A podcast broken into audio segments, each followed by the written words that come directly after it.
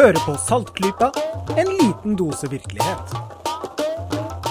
Da er vi i gang med Saltklypa episode 127. I dag er det den 31. august 2016. Mitt navn er Kristin, og med meg i dag har jeg Bendik. Jeg er der, hallo, hallo, hallo. lo. Hallo! Hallo. Og jeg har Lisha med meg. Hallo. Og Jørgen er på plass. Tjallabais. Yeah. Det står bra til med dere. Det, det, det har vært litt lenge siden Saltklypa for meg. Nå. Ja. Ja, fysj, du svikta oss. Sånn kan det, sånn kan det gikk. Men det eh, har vært, eh, har fint i det siste. seg- Jeg regner med at alle har fått med seg eh, det nye fantastiske TV-programmet som eh, gikk for, eh, begynte for en uke siden. ja, selvfølgelig. Ja. Kan det hende du snakker om eh, Folkeopplysningen? Det kan hende jeg snakker om sesong tre, episode én av Folkeopplysningen. Som gikk eh, for første gang eh, forrige uke. Ja, jeg sitter bare og venter på at vi skal bli ferdig med opptaket her, sånn at jeg kan gå og se på det. Ja, vi Ja. må skynde oss i kveld, altså. Vi tar jo opp Ja. på onsdager. Det er jo nesten en skandale at vi gjør det. Vi Ja, Nå kommer vi sikkert til å prate litt om første episode, som blir litt rart i og med at denne episoden først kommer ut etter at Folkeopplysningens andre episode har gått. Men pyttsann. Ja. Annenhver ukes opptak er litt småupraktisk noen ganger, men eh, det er nå det vi har kapasitet til. Ja. Sånn er det. Hva Ja. syns dere? Var det kult, eller? ja, det var det som vanlig. Det var det. Det var bra. Eh, Det var et tema som jeg også syns det er bra at de tar tak i. Det, er jo ikke, det har jo vært oppe i media litt sånn fra tid til annen siste årene uansett, dette her med selvhjelpsguruene og alle selvhjelpsbøkene. Så sånn sett så var det jo ikke noe eh, revolusjonerende for dem som følger med, men uh, veldig bra de tar det opp. Ja, nei, jeg Ja, hørte, sånn- hørte fremdeles Eller jeg hørte, jeg hørte selv eh, noen i, i relativt nær familie som uh, sa det at eh, ja, nei, det hadde de alltid ment, da. Jeg hadde hatt litt lederstillinger selv og hadde alltid unngått sånne, sånne motivasjonskurs og foredrag og sånn. Så det virker som om det er uh, Vi starta jo faktisk opptaket vårt, eller eh, hele Saltklypa, litt eh, med en sånn en. Ja. Vi Ja, tilbake helt fra episode null. episode null, jeg klapper på tre. ja. Lisha. Det var jeg som hadde vært eh, og sett en såkalt motivasjonstaler. Og det var vel en eh, dag av livet mitt som jeg aldri får tilbake. Ja, nei, altså Ellers også i eh, Folkeopplysningen, de har jo avslørt temaene de skal snakke om, og det er jo Det er jo ikke småtteri de skal ta opp. Og det er litt mer spredning i temaene enn det de har hatt i de to foregående. Ja, jeg syns det er veldig bra at de liksom ikke sitter og sier at nå er vi på en måte ferdig med de sånn veldig typisk, uh, typiske tingene, så nå kan vi gi oss. De, de bare de løfter hodet og ser utover. Er det mer vi kan ta tak i? Og det vil det selvfølgelig alltid være. Så det er veldig bra at de virkelig ja, uh, vidker sine vyer. Fordi, Ja, ikke sant? Altså, Ja. GMO-episoden kommer jo til å bli en eh, Ja, en uh, kronikkgenererende episode, tror jeg. Ja, Der kan det bli gøy å følge med på Twitter eh, mens den episoden vises første gang. ja. Det er fantastisk. Nei, vi, anbe- vi anbefaler jo at eh, våre lyttere får med seg det, hvis, hvis det mot formodning skulle være noen som ikke følger med i det hele tatt. Ja, og Da kan du gå inn på NRK sine nettsider, og der ligger selvfølgelig alle programmene, regner jeg med. Ja. Og det er vel også sånn at eh, det er selvfølgelig gøy å se på når det går på lufta på NRK, men eh, det skal visst være tilgjengelig også litt tidligere enn på TV. På nett. I hvert fall første episoden, da. I hvert fall den første episoden, ja. Så det er litt kult. Og så er det jo sånn, da, for vi snakker, vi snakker litt sammen her før opptak, og sånn, og så hørte jeg at sånn som et lite apropos, at Jørgen hadde lest en sånn liten greie om, Ja. eh, om sånn type formidling på TV og sånn. For det, Ja. det funker visst, det. Ja, eh, det som ser ut til å nå gjennom, dette er jo heller ikke akkurat noe fryktelig revolusjonerende tankegang, men at eh, kritisk tenkning som underholdning fungerer bra. Som moroprogrammer, hvor man kan le litt av ting og sånn. Så eh, her i Norge har vi Folkeopplysningen som har gjort kjempesuksess, og Andreas Wahl har jo også sitt eh, eget program eh, hvor han tester ut ting som er litt i samme sjangeren, som er kjempepopulært. Ellers så har vi siste årene hatt, eh, eller siste året blir det vel, hatt eh, John Oliver med sitt Last Week Tonight. Som er- er. Ja, det er så fantastisk bra, og han har virkelig tatt fatt i noen vitenskapssaker som er tunge og vanskelige, og klart å formidle poenget der så mye bedre enn det som glir fram til hvermannsen til vanlig gjennom eh, media, så eh, det er helt supert. Og grunnen til at jeg ville snakke om det nå, var fordi en person som jeg tror mange lyttere til vår podkast kjenner godt, den godeste Bill Nye, The Science Guy. Han er jo mest kjent i USA, hvor han har kjørt vitenskapsprogram for barn og ungdom. Eh, men eh, nå har han fått en avtale med Netflix. Det kommer ikke før om et halvt år eller noe sånt nå, men eh, han skal få et program som heter Bill Nye Saves the World. Ja, save, han, eh, save the World er jo litt av, så vidt jeg skjønner, da, litt av eh, på en måte slagordet hans, eller kampropet hans, fra de gamle programmene han lagde og sånn. Ja, han hadde en eh, mission statement før han begynte med Science Guy-programmene om at poenget, hele målet med det hele, var å forandre verden. Så han eh, setter seg store mål. Ja, ja, men det er. Og i hvert fall dette programmet så skal han eh, gå gjennom vitenskap om eh, temaer som eh, er litt kontroversielle, og stake ut eh, hva som er sant og ikke. Så, og han er jo kjent for å være utrolig flink på å være underholdende mens han gjør det. Så eh, dette høres ut til å bli et hyggelig bidrag til denne sjangeren av programmer. Som altså ser ut til å ha bedre virkning enn veldig mye annet på å nå folk. Ja, helt klart. Kult. Men eh, når vi snakker om det, så, så skal vi jo ha en liten formidlingsrunde, vi også. Vi har jo en podkast. Og eh, til det så skal, tenkte vi at vi skulle ta et par eh, nyhetssaker fra eh, den vidunderlige naturens verden. Det er, eh, det er veldig, veldig mye sånn Veldig mye sånn natur og univers og sånn relatert i dag. Eh, og da tenkte jeg at jeg skulle starte ut, fordi eh, nå er det jo sånn at eh, universet det overrasker oss stadig, og da er det innimellom at det skjer noen ekstra stase nyheter. Prøver du å fortelle oss at du skal gi oss romfartsnyheter igjen? Jeg litt eh, føler jeg har liksom typecasta meg lite grann gjennom årene her. Bare litt. Så Som den i Saltklypa-panelet, eh, som kjent med litt sånn astrobakgrunn, sånn utdanningsmessig, så er det vel eh, min oppgave som regel å følge nyhetene i romfartens og astronomiens verden. Og hva er vel bedre å snakke om eh, denne gang enn eh, den største eksoplanetoppdagelsen siden oppdagelsen av eksoplaneter? Det er så kult. Det er ganske heftig, altså. Her eh, er det da et eh, teleskop på ESO, eh, som står for European Southern Observatory. Det befinner seg i, altså da, som navnet tilsier, på den sydlige halvkule, eller i Chile, um, nærmere Så ikke- bestemt. Så ikke i Europa. Ikke Europa, det er europeisk styrt, holdt jeg på å si, men ikke, ikke i Europa. Fordi noen ting på himmelen, det ligger sånn til eh, på vår kulerunde jord at eh, vi må flytte på oss litt for å kunne se det. Så internasjonalt Eh. samarbeid er da tingen for å ordne det. Det er eh, altså hele romfartsforskningens skjebne hviler på det at man, man samarbeider på tvers av land og kontinenter, altså. Så det er superviktig. Dette er altså da en, som sagt, en eksoplanet, en planet utenfor vårt solsystem. Det i seg selv er ikke noe særlig eh, Det er nesten ikke noe spennende lenger når man sier at oh, det er en eksoplanet som er oppdaget.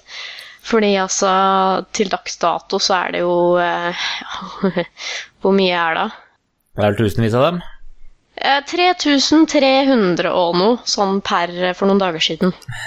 Bekreftede planeter, og det er jo ganske mange flertusen som er kandidater for å være eksoplaneter. Så det er ingen tvil lenger om at eh, jorda den, og Mars og Jupiter og alle disse her ikke er uh, alene i galaksen. Det er tusenvis av dem, og uh, for oss mennesker så er det jo spennende å se på et par ting, da. For det første er hvor, altså, hvor nærme kan vi finne sånne planeter? Uh, altså det vil si hvor nærme til vår egen stjerne. Og så er det jo eh, veldig spennende å vite hva består de av. Altså, hvor store er de f.eks. For i forhold til jorda? Eh, hvor langt er, unna er de stjernen sin? Altså, kan, det, kan det være like forhold på disse planetene som det er på jorda, f.eks.? Det er jo åpenbart hvorfor det er interessant, fordi eh, jorda er jo ganske unik i det at det er, eh, det er jo liv her. Flytende vann og masse, masse, masse liv. Og ikke hvilket mens- som helst liv, men meg. Ja! og ja, det er, eh, det er superinteressant, selvfølgelig, og fint å kaste mye, mye, penger på det, syns nå jeg. På meg, ja. ja jeg er helt enig at det er fint Ja. å kaste mye penger på meg. Yes. Så på ESO, da, så er det For å komme til saken jeg, Alle som hører på dette, vet hva jeg snakker om nå. fordi at eh, jeg regner med at dere ikke er så dumme at dere ikke har hørt nyhetene. Det er, eh, det er altså en, en planet som har blitt oppdaget rundt ikke mindre enn vår aller nærmeste stjerne til solen, nemlig Proxima Centauri. Den ligger bare 4,2 lysår unna. Eh, Nærmere stjerner enn det har vi ikke, faktisk. Eh, Proxima Centauri er også eh, muligens, eh, sannsynligvis kanskje, del av et trippelstjernesystem som er sånn som, Altså at den kanskje muligens kretser rundt eh, det som heter Alfa eh, Centauri, som er en sånn dobbeltstjernesystem. Eh, der har vi også eh, muligens kanskje detektert noe planetlignende, men det er en annen historie, da. Denne her altså er den nærmeste stjerna til, um, til, til vår egen sol. Det er en veldig liten stjerne, såkalt rød dverg. Den er bare 12% av massen til sola. Og eh, den er ikke så lyssterk heller. Den er 0,1% av lysstyrken til sola. Oi. Så det er ikke så Så hadde, hadde jorda gått rundt den, ikke sant, i den avstanden den er, så hadde ikke det vært så imponerende for uh, sjansen for liv. Um, men denne denne planeten her, da, den går usannsynlig nærme stjernen, og den eh, fullfører en bane på bare litt over 11 jorddøgn.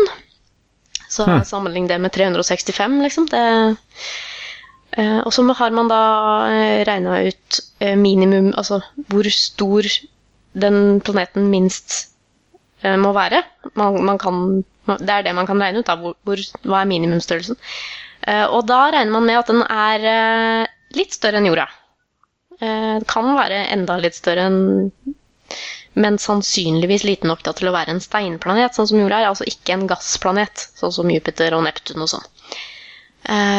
Og det som er praktisk i dette tilfellet, da, det at eh, den, den går rundt en veldig liten og lite lyssterk stjerne. Men det at den går såpass da nærme den stjerna, det, det balanserer på en måte ut ulempene. Og eh, gjør at faktisk så er denne planeten her i den beboelige sonen rundt stjerna. Og den beboelige sonen den er jo da løst definert som den sonen som gjør at vann kan eksistere i større mengder i flytende form på, i den sonen her, da. Eh, forutsatt at vannet er der, selvfølgelig. Eh, så da er det jo altså, Alle kaster seg rundt, og det, dette var jo publisert i Nature eh, forrige uke. Og pressemeldingen i Nature er jo, har jo en sånn fantastisk overskrift av 'Earth-sized planet around nearby stars. Astronomy dream come true'. Så det er liksom ikke småtteri, da. Eh, Jeg skal prøve å se om jeg kan få linka til den eh, originale artikkelen også, hvis det er noen som eh, koser seg med å lese ordentlige vitenskapelige publikasjoner.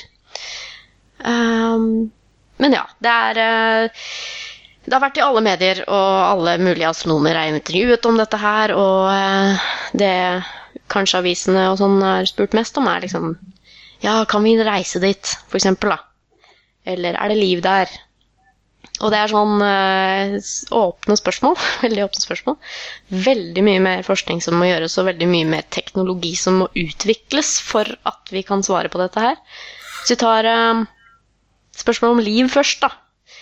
På jorda så er det jo ganske få krav, egentlig, for, å, em, for at det skal være liv her. Altså, det, jorda trenger energi for å lage liv. Eh, den må ha en eller annen form for flytende vann eh, og, og en, type næring. Altså løst tre ting. Eh, så er det en eh, artikkel jeg har lest av en astrobiolog i, em, i Seattle i USA. Han har skrevet en ganske lang og informativ artikkel om det der, hvor han analyserer litt om hvor vanskelig det er å fastslå dette på, de, på det grunnlaget man har, da, i og med at det er, eh, det er så mange forskjellige måter denne stjernen kan utvikle seg på, og denne planeten kan utvikle seg på, så det er så vanskelig å si. Eh, blant annet så er det jo sånn da at eh, den der lista med krav for at liv skal utvikle seg, er ganske mye lenger for en liten, altså for en planet som går rundt bane en så liten stjerne, en sånn rød dverg. Gjerne også så nærme da, som den gjør. Um, så greit, det kan godt være flytende vann der, uh, men det er uh, litt vanskeligere å utvikle liv der fordi at uh, sånn, den, den, stjernen vet vi har ganske mye utbrudd av UV- og røntgenstråling, f.eks. Mm. Det er litt kjipt. man bruker som kjent UV- og røntgenstråling for å liksom vipe vekk bakterier og det som er. Uh, og, og, så må du også huske på at siden denne her går så nære rundt og går så fort rundt, du sa elleve dager rundt, ja. så betyr jo det at organismene der vil jo dø av alderdom lenge før de egentlig utvikle seg. For de vil dø av alderdom på bare uker, måneder, vår tid. Hmm, vent nå litt. Er det sånn det funker, Bendik? Kanskje hvis det hadde vært et ekstremt sterkt uh, gravitasjonsfelt uh, i nærheten. At det hadde skjedd noe rare relativitetseffekter. Um, men uh, uansett så er det ikke bare denne strålingen fra stjernen. Altså det, er jo, det er jo et mye sterkere magnetfelt som denne planeten vil oppleve. Uh, solflekkene, eller da stjerneflekkene da, på denne planeten, vil være større. Det vil si mye mer aktivitet.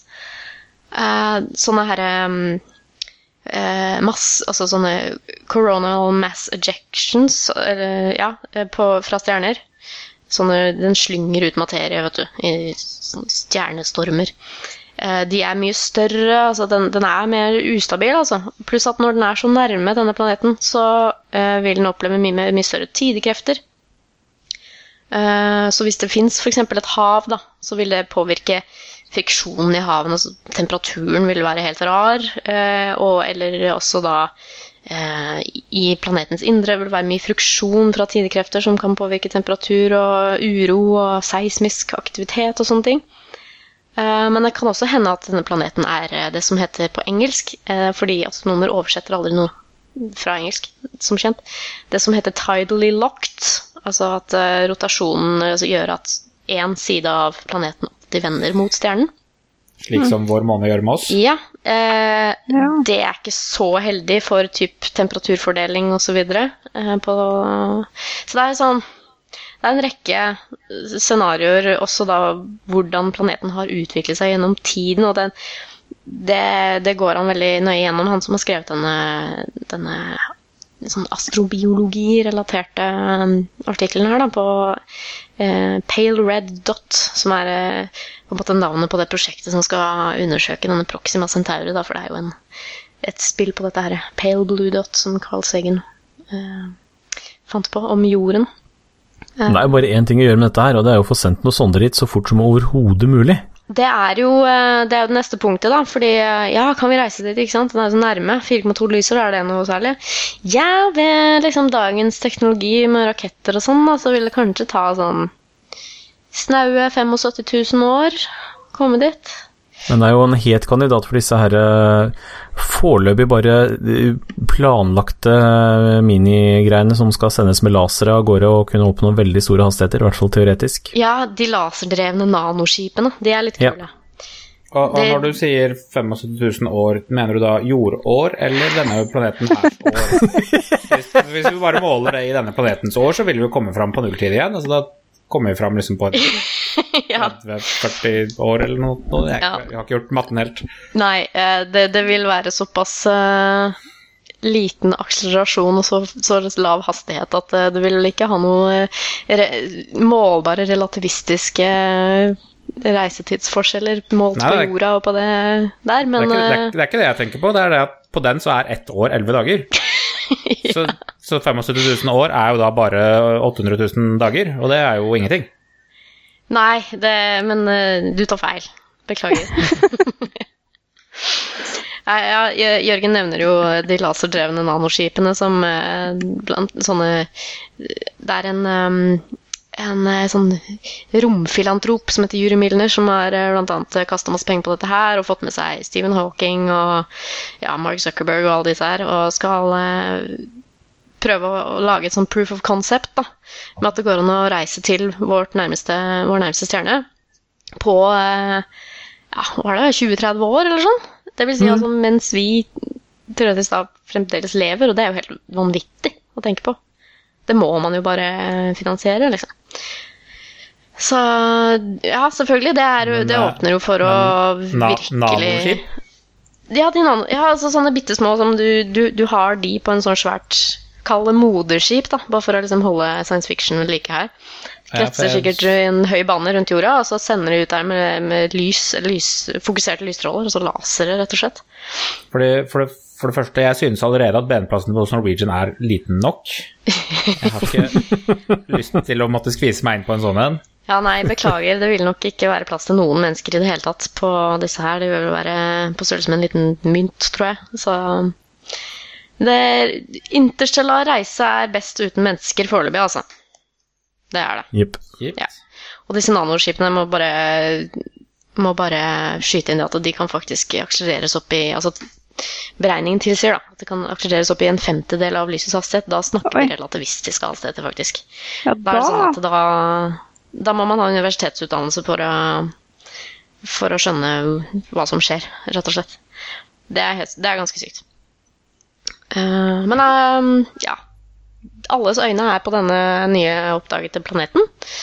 Eh, så det, det vi kan gjøre nå, da, og når jeg sier vi, så mener jeg de forskerne som er flinke å gjøre det. Eh, det vi kan gjøre på det nåværende tidspunkt, er å bare prøve å fange lyset fra planeten. Det er det vi kan liksom prøve. Altså, de nyeste teleskopene som utvikles nå, vil kunne gjøre det. Kanskje James Webb-teleskopet, f.eks. Uh, fanger man lys fra planeten, så kan man sile lyset gjennom en spektrograf og kanskje finne ut hva slags gasser som fins i en eventuell atmosfære som den vil ha. Og uh, det som også er veldig kult, er at uh, et umiddelbart resultat av en sånn oppdagelse er jo at våre estimater for hvor vanlige planeter er i galaksen vår, det justeres jo. Per nå så mener man visst at så mye som hver femte stjerne er verdt for en beboelig planet. Altså en beboelig planet. Ikke en Ikke en planet. planet. Ja, Eller? eh, ikke, ikke bare en planet. Altså, det fins masse flere gassplaneter, f.eks. Ja, men altså ikke en, en beboelig planet er jo ikke det samme som en bebodd planet. det er det selvfølgelig ikke. Men Bare. så mye som 20 eh, i hele galaksen eh, kan ha planeter i den beboelige sonen. Eh, og det, det betyr jo faktisk at det er flere titalls milliarder beboelige planeter i Melkeveien bare. Så ja. Det, jeg syns det er en sånn derre mind-blowing eh, faktum. Uh, Aha. Absolutt. føler meg ikke så fryktelig alene lenger. Selv om det er noe vi ikke kan svare på, selvfølgelig. Snart får vi nye venner, Altså- mener du? Ja, snart. Jeg har lest eh, også en artikkel skrevet av den alltid lesbare og hørbare Seth Shostak, eh, som jo eh, har podkasten som heter Big Picture Science, og jobber på SETI-instituttet, Search for Extraterrestrial Intelligence. Og han drar jo selvfølgelig også da inn temaet å lytte på retning planeten, som eh, jo SETI er kjent for å gjøre. eh, For å søke etter signaler som kan komme fra en eventuelt avansert sivilisasjon. Det er jo liksom sånn ytterste konsekven konsekvens for dette her. Eh, så det er, det er jo selvfølgelig flere titalls lesbare artikler som er publisert den siste uka. Jeg har eh, knapt lest noen få av dem. Eh, men vi skal linke til det jeg har funnet, og det som er interessant å få med seg. Både på norsk og på engelsk. Så, så kan vi fortsette. Så kan vi fortsette eventyret på papir, tenker jeg. Og så snakker jeg om SETI, da, så, så må jeg bare ta inn en sånn bitte liten rar nyhet som jeg eh, fikk i feeden min for eh, noen dager siden. Eh, jeg vet ikke helt, jeg. Det, det det en, jeg er litt skeptisk, men eh, det er snakk om et et sånt SETI-signal som de driver og seriøst undersøker nå, om kan være fra en, en, en utenomjordisk sivilisasjon. Oi. Sannsynligvis ikke. Sannsynligvis ikke. Eh, men det er en sånn derre eh, antennene mine gikk litt sånn opp. Altså, det var liksom sånn, ja, det, var, det er en sånn De brukte et sånt russisk radioteleskop, men det var lenge holdt hemmelig fra det internasjonale. Så, ja, Ja. sånn, litt sånn Ja vel. Men det, altså, det, er, det er reelt, da. Det, det, er, det er en deteksjon av noe. Men uh, jeg tenkte jeg bare skulle nevne det fordi uh, det var en liten uh, apropos på det jeg har snakket om nå, og at det er ganske ferskt. Så ja, det gjelder en, eh, en stjerne som man vet har en eh, gassplanet rundt seg. En ganske varm gassplanet rundt seg. Det i seg selv er jo ikke en kandidat for noe som helst liv. Men eh, altså Som sagt, 20% er kanskje beboelige i galaksen, så man skal ikke gå bort ifra at det finnes en planet til eller flere rundt den stjernen. Så det må man bare bruke tid og krefter på å finne ut det. Hvem vet? Kanskje jeg nå egentlig rapporterte det som kan være den største nyheten i historien om noen år. Oi. Du hørte det her først. Det kan jo skje. Hørte det her først, hørte det her først. Men eh, nok om meg. Eh, vi skal kanskje ned på jorda igjen, vi. Tenkte jeg. Jorda er også et fint sted. Ja. Og ehm, ja. Jørgen eh, har eh, lest en eh, sak som han helt i siste liten i stad linte inn i vårt fantastiske lille sendingsdokument som vi driver og ut, utvikler. Ja, det var rett før sending jeg tilfeldigvis så det. Ehm, det gjelder da den tasmanske djevelen. Som Den, ja. Ja, De er så fine. Ja, de er veldig fine. Det heter også pungdjevel. Ehm, de er veldig fine, men de har altså et ganske stygt gemytt. De er veldig eh, oppfarende og glad i å bite hverandre, og det er de eh, spesielt i sexakten, hvor de veldig ofte biter hverandre til blods på snuten. Ja. Ja. Og som noen kanskje har fått med seg, så var det for en omtrent ti uh, års tid siden, så var det ganske mye nyheter om at uh, dette hadde Midt oppi dette her, så har det begynt å spre seg eh, kreft. Smittsom kreft. Ja, det høres, husker jeg Ja, det er sånne fæle bilder og noen greier. Ja, det er en ordentlig stygg sak. Det er eh, en av veldig få tilfeller av smittsom kreft man kjenner til. Og eh, som rett og slett er eh, overført fra ansikt til ansikt når de er blodige, og så sprer det seg.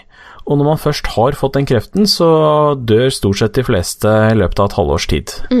Så eh, det var for en ti års tid siden så var det veldig dramatisk. De spådde at det var ganske sannsynlig at uh, disse tasmanske djevlene kom til å dø ut. Fordi de lever jo bare på Tasmania, som er én øy. Det er ingen måte å på en måte få den arten til å overleve på noe annet sted. Ehm, så det var ikke noe særlig annet forskeren kunne gjøre enn å bare se på situasjonen, og de har da virkelig gått nedover med bestanden.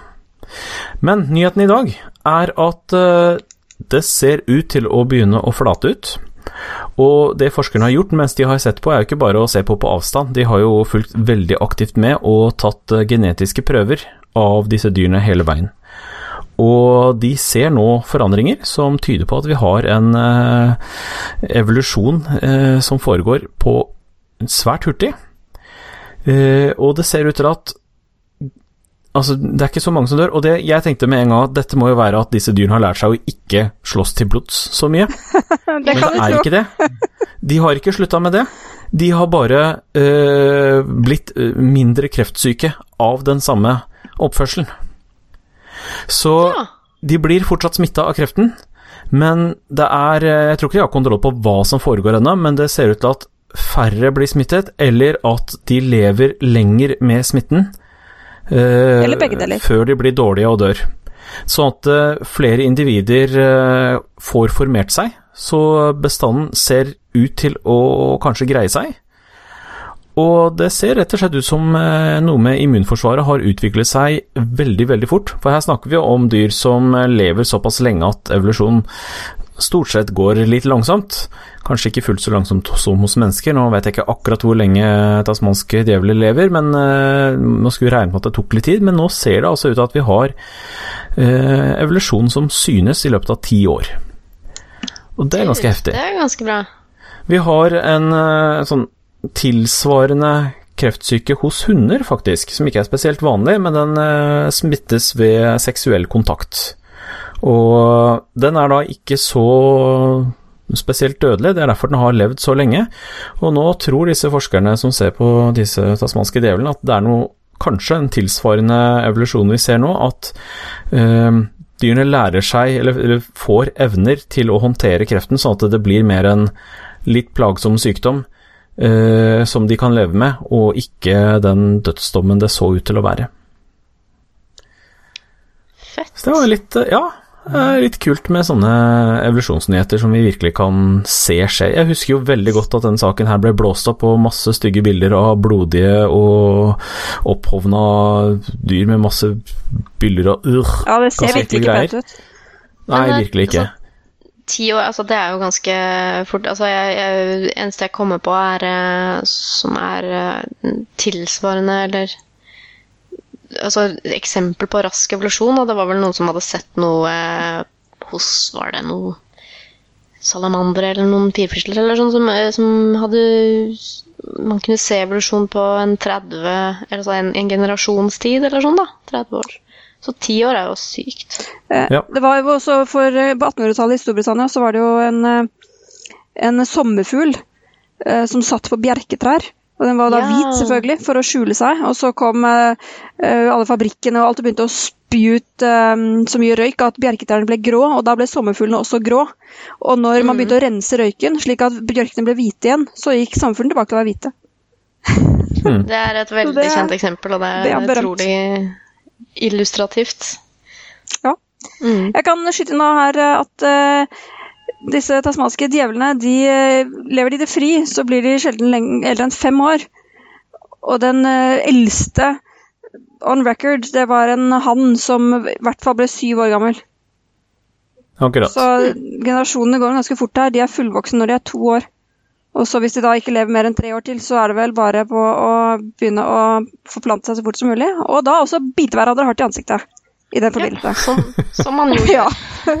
Men altså, etter et tasmansk djevelalder, så snakker vi her også om en eh, fem generasjoner eller noe sånt. Ja. da. Så det har gått utrolig fort, da. I den forstand. Ja. Det er klart det har også vært et veldig heftig eh, trykk på dem. Eh, så vi ser jo her Det er en typisk sånn ting hvor, hvor revolusjonen må skje raskt hvis den skal skje i det hele Hvis tatt. det skal være Ja, noe det er jo sånn ev evolvere eller dø ut, rett og slett. Altså, Ja. Ja. ja. Kult.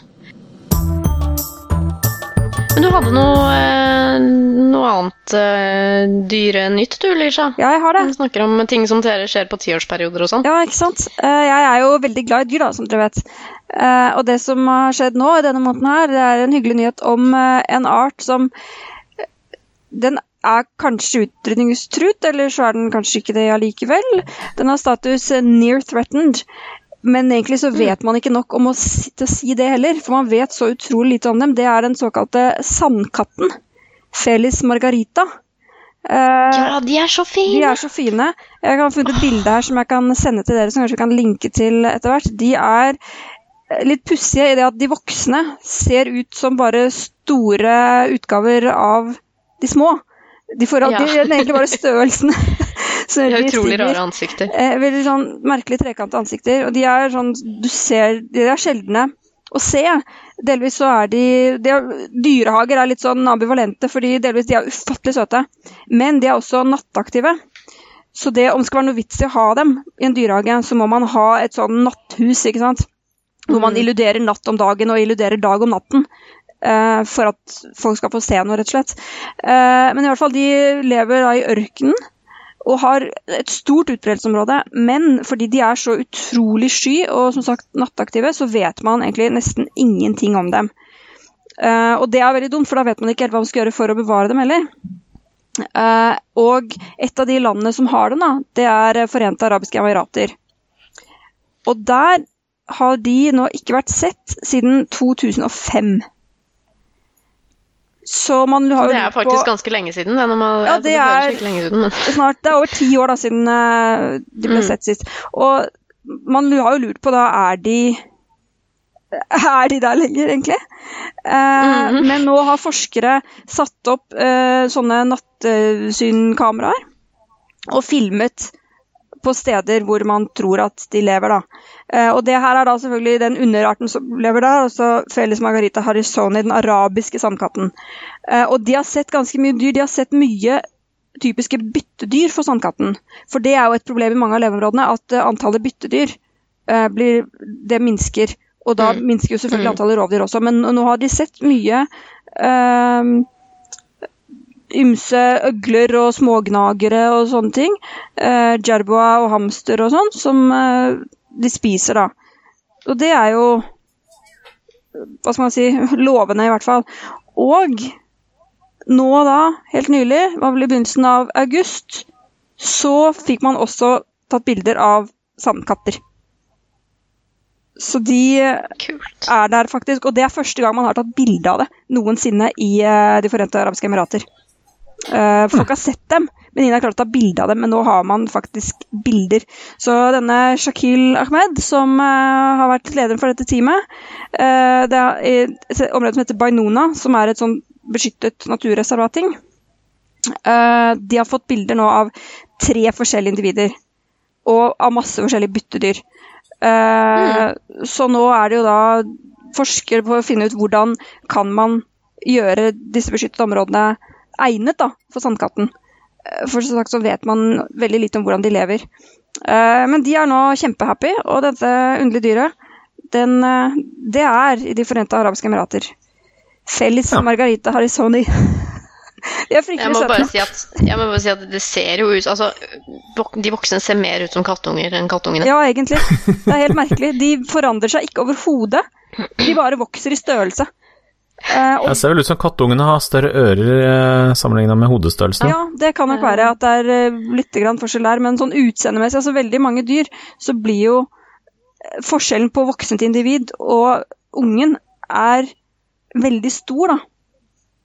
Det er veldig ja. det, det, er liksom veldig tydelig, men her så er det Hvis du ikke ser dem ved siden av hverandre, så hadde det vært vanskelig å si hva som er ungen og hva som er mora, da, i, i dette bildet her. Ikke Eh, mm. Så det er fiffig. og De er veldig søtt sjarmerende, men som sagt ekstremt sky og aktiv bare om natten. Så det er vanskelig å finne, men nå har da UAE forskere lykkes i å ta bilde av tre arabiske sandkatter. Og det synes jeg er en veldig god nyhet. Det er kjempegøy når folk driver og gjør en innsats, og så blir de belønna på den måten her. De har holdt på i hvert fall over et år. det, vi er jo en podkast, og det beste å gjøre på en podkast er selvfølgelig å dele bilder med dere på direkten, sånn at ja. uh, alle våre lyttere kan ha gleder av bildet, ja. som ikke de ser.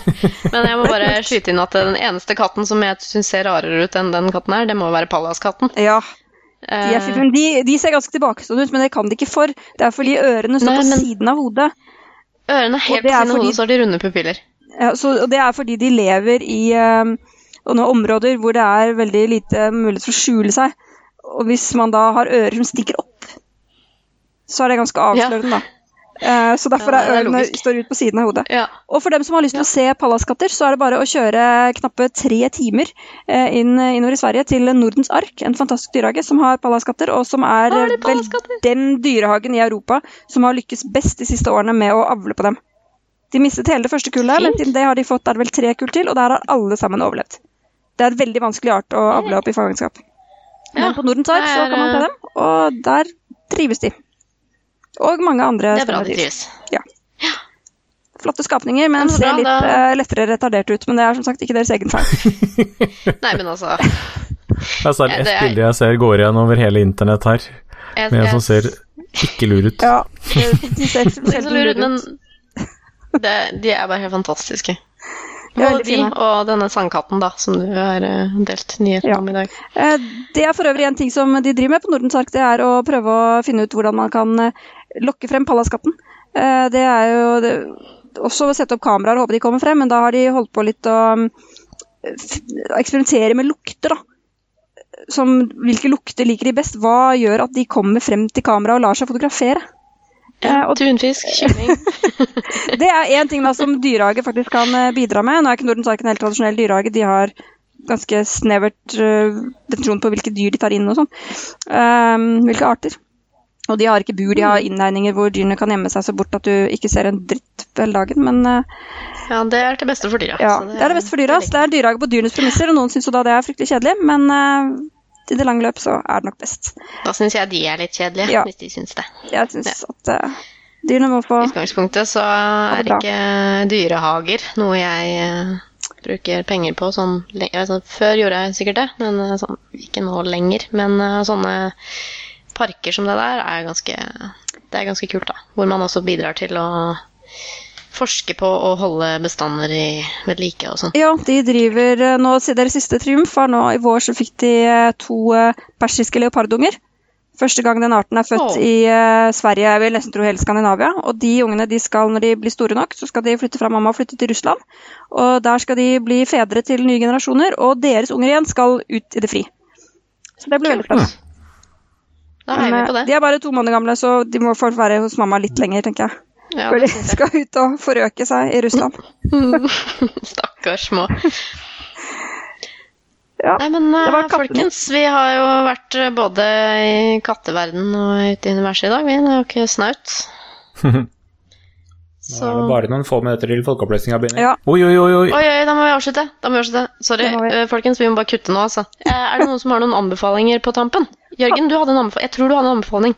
Ja, jeg har det. Eh, jeg skal anbefale meg selv. Yeah! Du er bra. Ja, Mer er eller mindre. god. Eh, For dem som eh, bor i Oslo eller omegn og eh, har lyst til å spørre en arkeolog om noe, så er det mulig å få til det Altså, det er alltids mulig å få tak i en arkeolog på et eller annet tidspunkt, men vi skal arrangere en arkeologisk spørretime som er åpen for alle. Det er på Deichmanske hovedbibliotek i Oslo. Eh, onsdag 26. oktober. Da er vi fem personer i panelet. Nå må jeg bare si at en av de andre fem er min kone, og vi har foreløpig ikke forordnet barnevakt, så det kan hende en av oss eh, ikke får vært med likevel. Eh, men bortsett fra det, så tror jeg det blir eh, gøy. Kom og still rare, dumme spørsmål. Å, det finnes ikke dumme Ikke spørsmål, Jørgen. Jo, Kanskje- det finnes definitivt dumme spørsmål. Som eh, erfaren formidler kan jeg si det finnes definitivt dumme spørsmål. De er kanskje ikke dumme. Men det finnes eh, gode måter å takle det på. Ancient aliens og sånn. Hvis, Ja. hvis, en, hvis en setning begy- hvis et spørsmål begynner med 'Jeg leste i boken til Erik von Daniken'. Ja. Ja, da kan det komme et intelligent spørsmål etter det. Kan, ja, det kan det.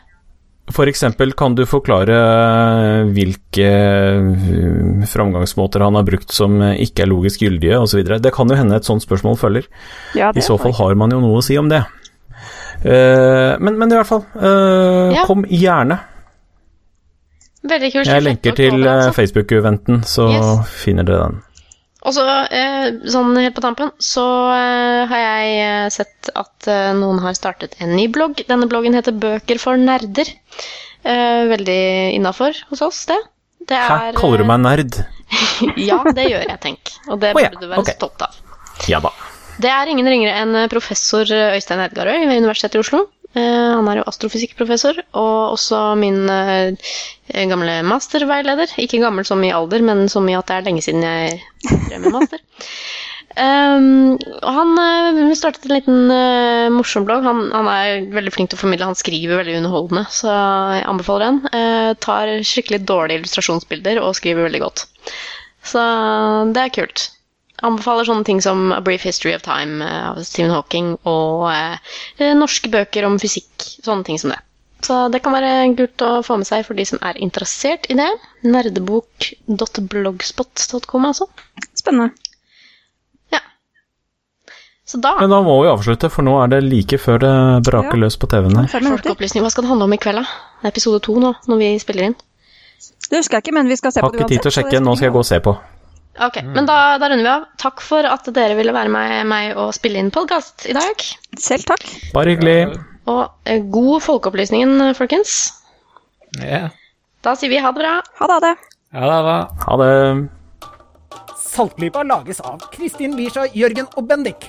Har du spørsmål, anbefalinger, ris eller ros, send det til post at saltklypa.no, eller finn oss på Facebook. Lenker til alt vi har snakket om i episoden finner du på saltklypa.no, hvor du også kan abonnere på podkasten for å få hver episode levert på døra helt gratis. Takk til Smart 9000 fra Evig poesi som har laget kjenningsmelodien.